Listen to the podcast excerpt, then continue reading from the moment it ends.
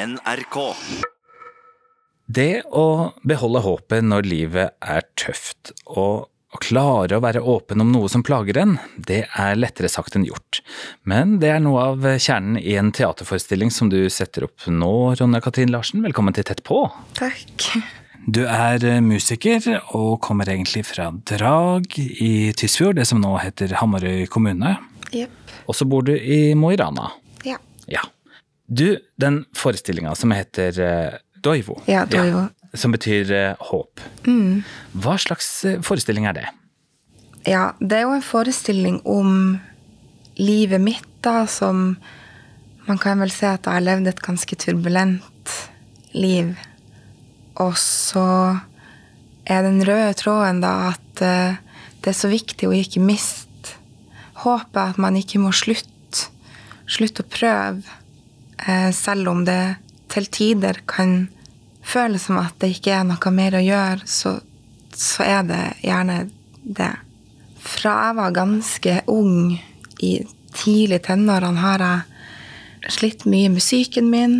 Det har vært mye opp- og nedturer, og jeg følte meg ganske lost ei stund. Og så, i 2019, fikk jeg eh, diagnosen bipolar lidelse, som egentlig forvandla livet mitt. Jeg ble et, et nytt menneske etter at jeg fikk riktig behandling. Og sånn som med bipolar lidelse, så kan man jo være genetisk disponert for det i mange tilfeller. Og, og du kan også bare få det, gjerne av hvis du har hatt en, en, en traumatisk barndom eller opplevd mye traumer i livet ditt, så kan du utvikle f.eks. bipolar. I mitt tilfelle er det begge to, fordi min mamma var også bipolar. Men det var rart å få vite det at det kunne vært unngått. Hadde behandlinga starta tidligere, og hadde, hadde jeg sluppet å få oppleve noen av de tingene jeg har opplevd, så kunne jeg vært foruten denne diagnosen, og det er litt sånn bittersweet å, å tenke på.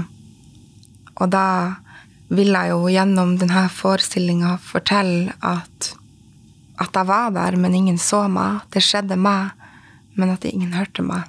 Men at jeg er her nå og klarte å komme meg videre fra det. Selv om skammen og sorgen og alt sa at jeg ikke klarte det. Kan du spille et lite utdrag derfra, er det mulig? Det kan jeg gjøre.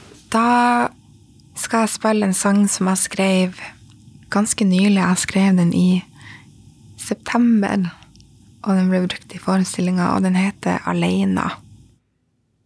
Hvorfor står jeg aleina nå? Hvor er du som skulle være her? Hvorfor tørka du tårene mine, men gå vekk når jeg ber deg om å bære meg?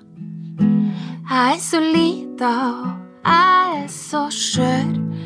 Bær alle byrdene et barn ikke bør. Og jeg trodde at du kom til å høre mitt stille skrik fra et hjerte som blør. Det blør, det blør. Jeg ser et barn som har gitt opp, som tror at kjærlighet ikke fins. Som tror at varme skal føles som sorg. Som er fortapt i sitt eget sinn. Som er aleina. Som er aleine.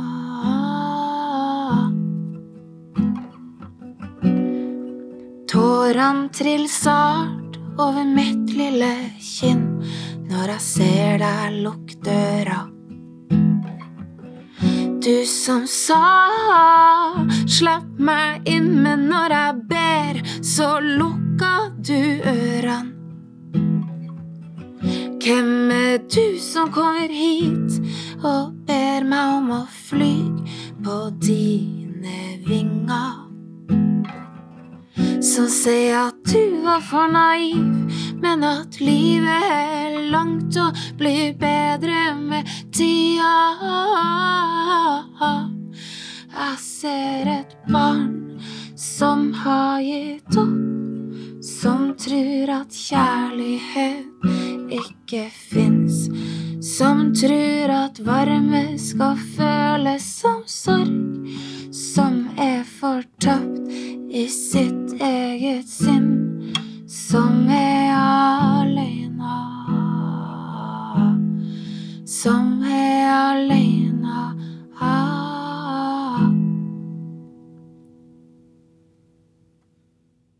Jeg var glad for at jeg hadde fått diagnosen. Jeg følte at ok, det var så mange brikker som falt på plass. Men det var jo ufattelig tungt, egentlig, å, å begynne på de medisinene. Du skal finne ut hva slags medisiner som passer for deg.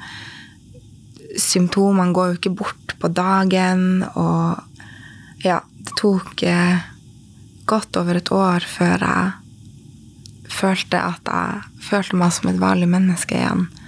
I starten huska jeg at jeg sov ekstremt masse. Det er tøft å, å, måtte akseptere at du ikke kan gjøre de samme tingene som andre på din alder. Jeg tenkte eh, ok, nå har jeg fått en diagnose, nå har jeg begynt på medisiner.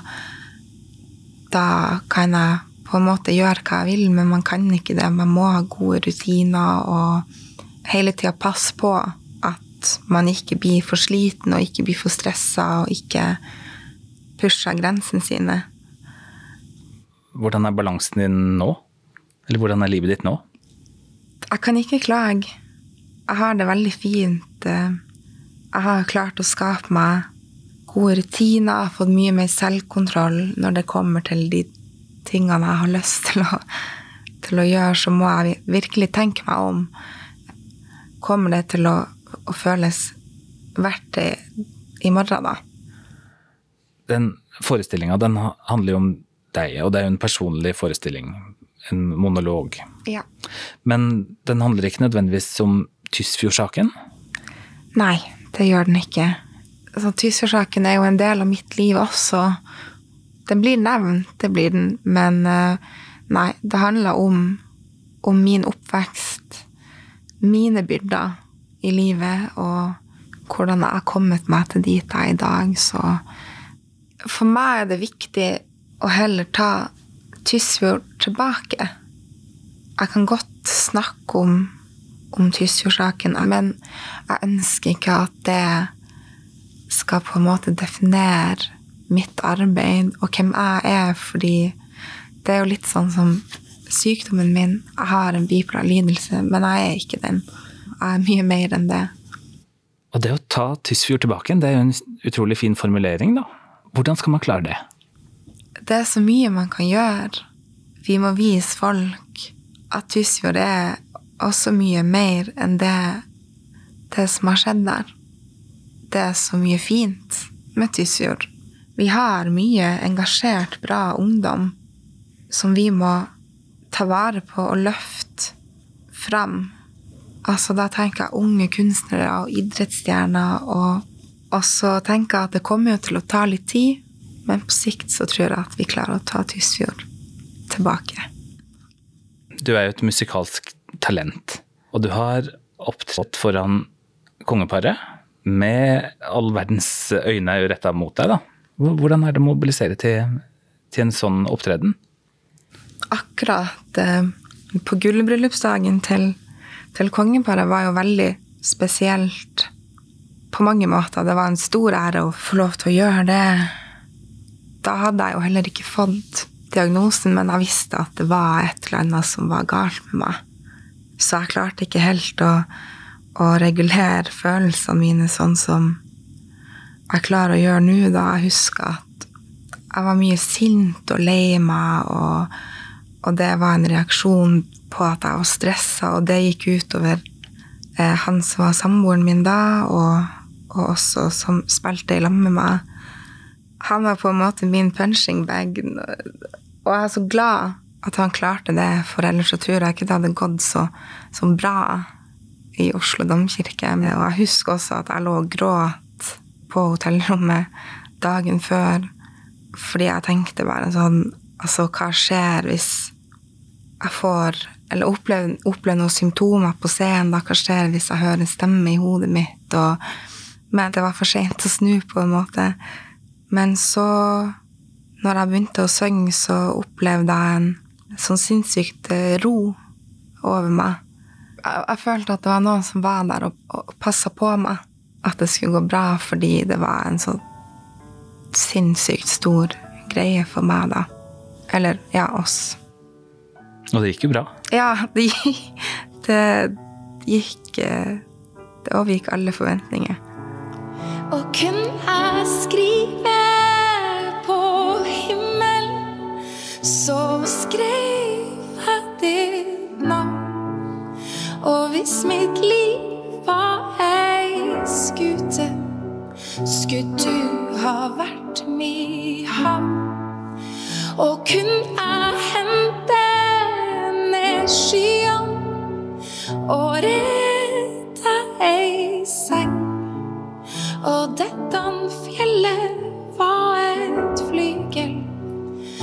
spilte jeg Chopin. Men jeg måtte ha øvd på forhånd. Ville du forstå? Musikken begynner for alvor nå. Jeg vet den vil forstå meg hvis du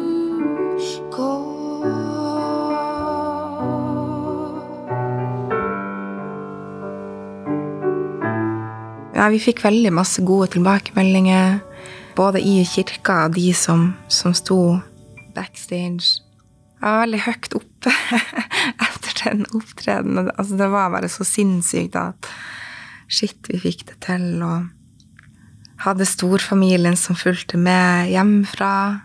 Og venner. Jeg fikk masse meldinger på Facebook, og det var veldig overveldende. Mm, kult, da. Ja. Hvorfor er det viktig å være åpen om psykisk helse og utfordringer som man, som man kan støte på, da? Jeg kan huske Nesten mine første minner er jo av ei mor som åpenbart er veldig, veldig syk. Altså, jeg kunne ikke nesten sette fingeren på det, på det da, men jeg har alltid visst at hun ikke var som andre mødre.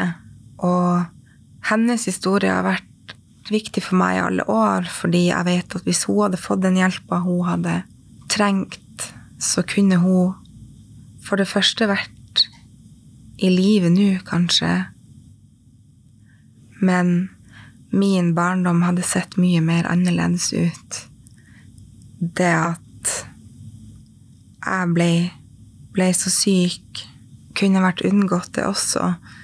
Det starta ikke hos meg, det starta allerede hos henne i hennes liv. Og så føler jeg også at jeg har arva et engasjement rundt det som jeg ikke kan forklare. Men det er bare når du ser det på så nært hold, altså hvor sykt et menneske kan bli, så får du ikke lyst til at det skal skje med noen andre. Og jeg vet at hun savna den, den stemmen, på en måte. Da hun var ung, det vet jeg, for, for det har hun fortalt. Jeg kan også huske at jeg på ungdomsskolen Jeg hørte mye ting om, om Eller mye informasjon om psykiske lidelser som overhodet ikke stemmer. Og så gjorde jeg det så lenge at da jeg ble syk, så, så ble jeg så, så, ufattelig redd fordi jeg tenkte at det her er slutten på det normale livet for meg. Og så husker jeg at psykiateren min sa nei, du er bare bipolar. Det er bare det. Men det går bra. Det er ingenting som tilsier at du ikke kan ha et normalt liv, men du må på en måte få hjelpa du trenger, tidsnok. Jeg savner den, den stemmen som, som, kan snakke på vegne av, av alle de som føler at de stiller svakest i samfunnet. Og jeg vet at liksom når man blir syk, så er det lett å føle at man at det er mye man ikke duger til, og at man kanskje er byrde for samfunnet. Og, og jeg, har funnet, jeg har ikke funnet den stemmen, så jeg bestemte meg for at ok, da må jeg kanskje bare være den. Fordi nå har jeg muligheten. Jeg har en innflytelse, og jeg har lyst til å bruke den til å hjelpe de som, som står der jeg sto, da. Hva ønsker du å si, hva ønsker du å formidle til de som står der du sto? Jeg vil si at uh, du er jævla heldig hvis du har kjemi med den første psykologen du møter. Du blir ikke bra av å gå dit en dag. Mest sannsynlig så kommer du ikke til å føle deg så bra på de medisinene du nettopp har begynt på, på ei god stund, og du må ville det. Du må ville bli frisk. Sånn er det alltid. Man kan aldri hjelpe noen som ikke vil. Og hvis du vil, så er det helt uaktuelt å gi opp.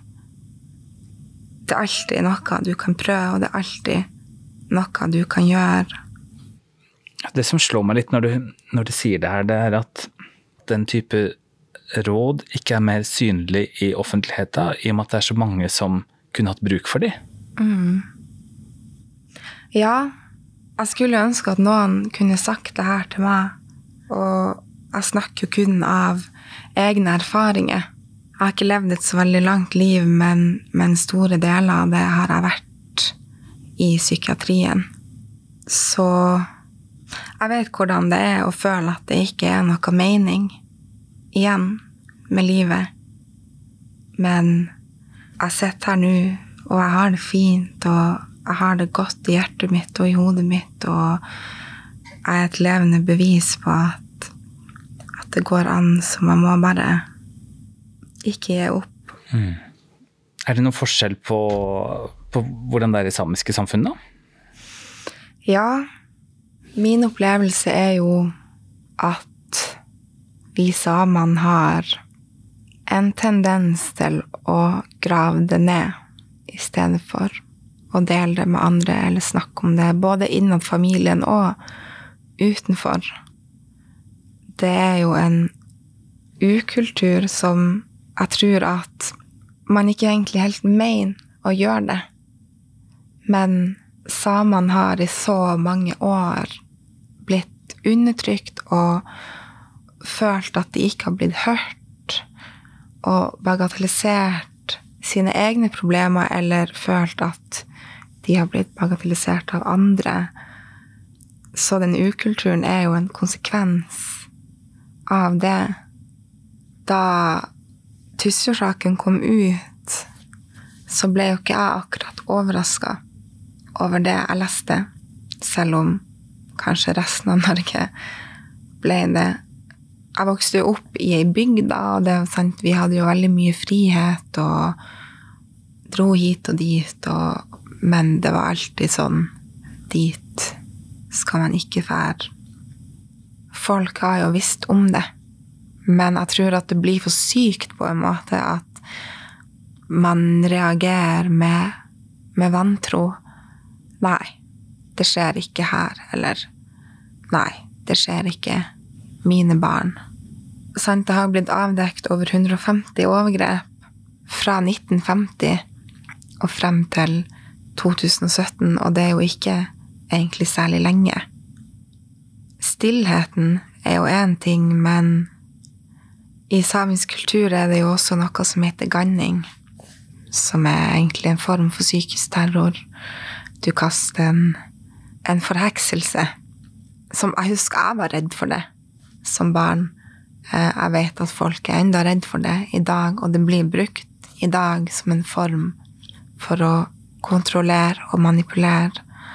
Jeg sier ikke at lastadianismen i seg sjøl har noe skyld i det her, men de som har forgrepet seg på noen, de som var, eller de som er overgripere, har brukt lastadianismen som et skjold som dessverre har, har beskytta dem, mens de som da har opplevd overgrep, har eh, måttet egentlig godta det.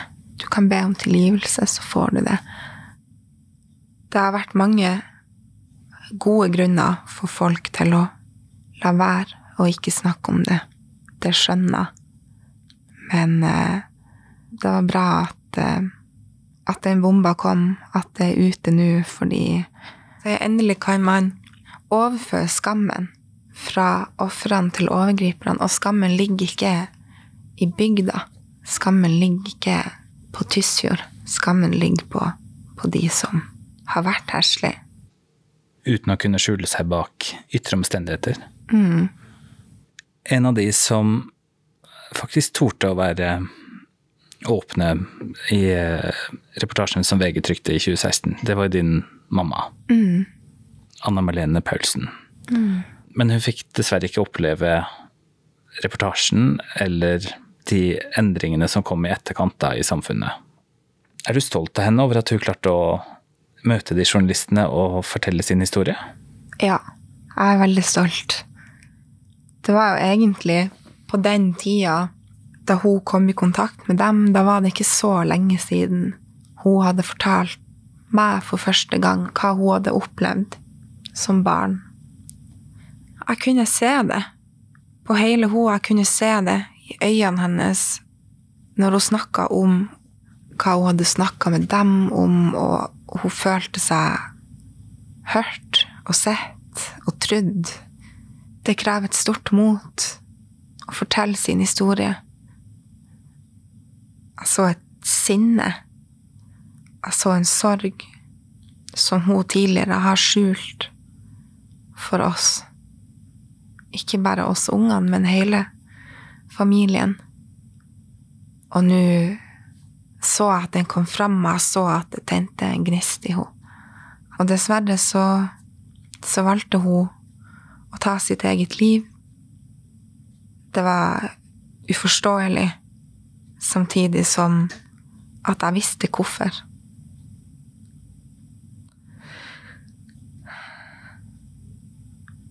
Det at hun og de andre stilte opp, da.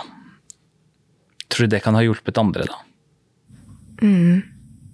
Jeg tror at det har eh, åpna mange dører for, for folk rundt omkring i landet, og kanskje det å se den støtten og anerkjennelsen som de, de fikk i ettertid av det offentlige, men også av våre landsmenn.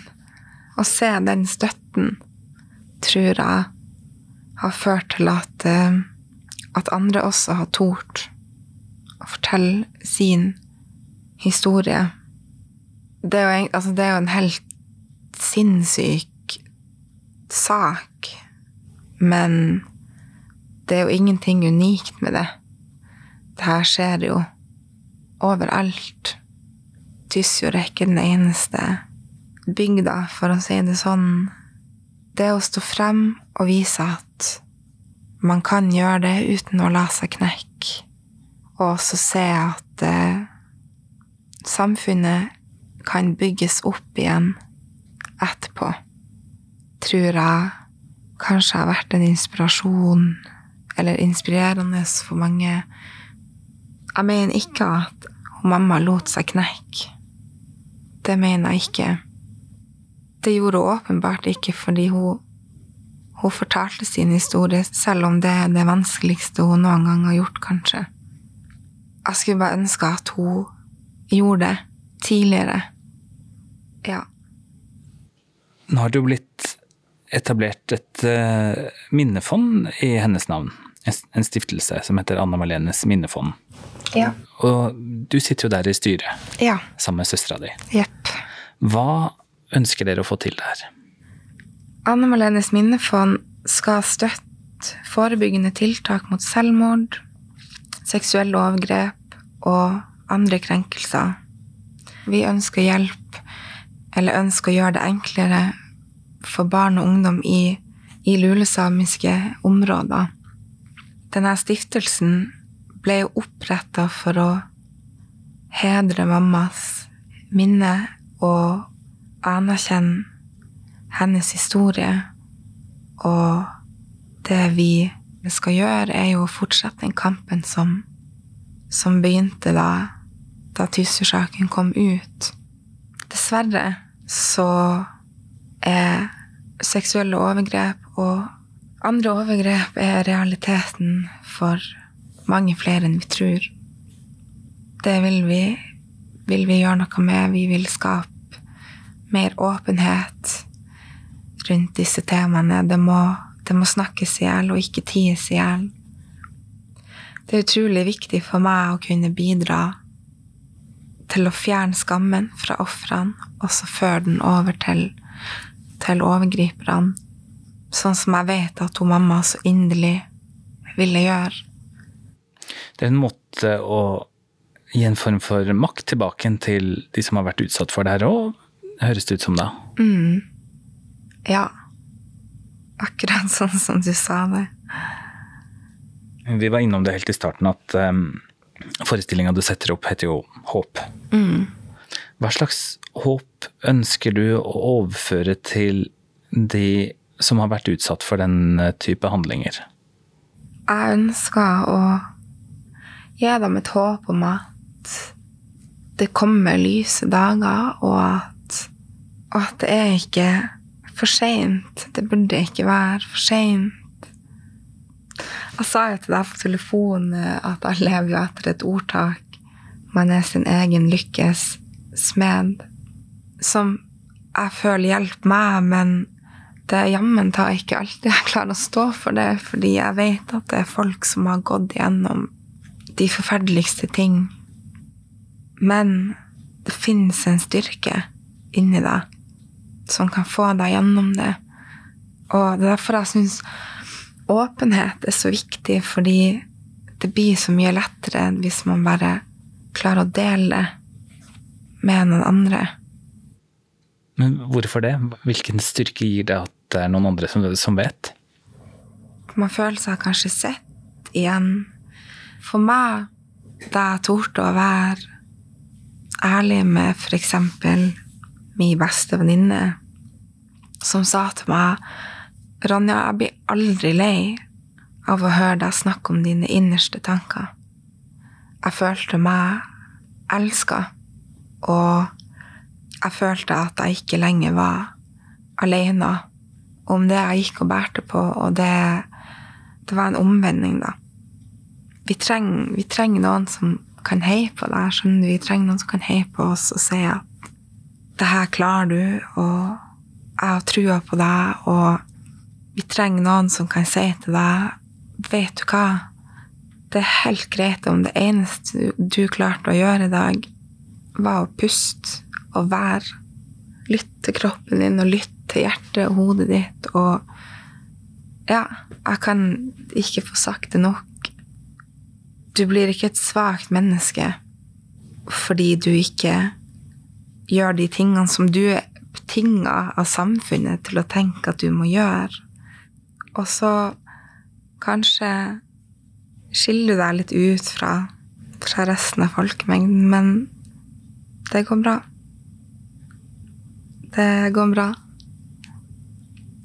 Ronja Katrine Larsen, tusen takk for at du var med i Tett på, og all verdens lykke til med både forestilling og tida framover. Takk, og takk for at jeg fikk komme. Jeg heter Svein Lian. Tett på fra NRK Sápmi er produsert av 1 til 1 Media.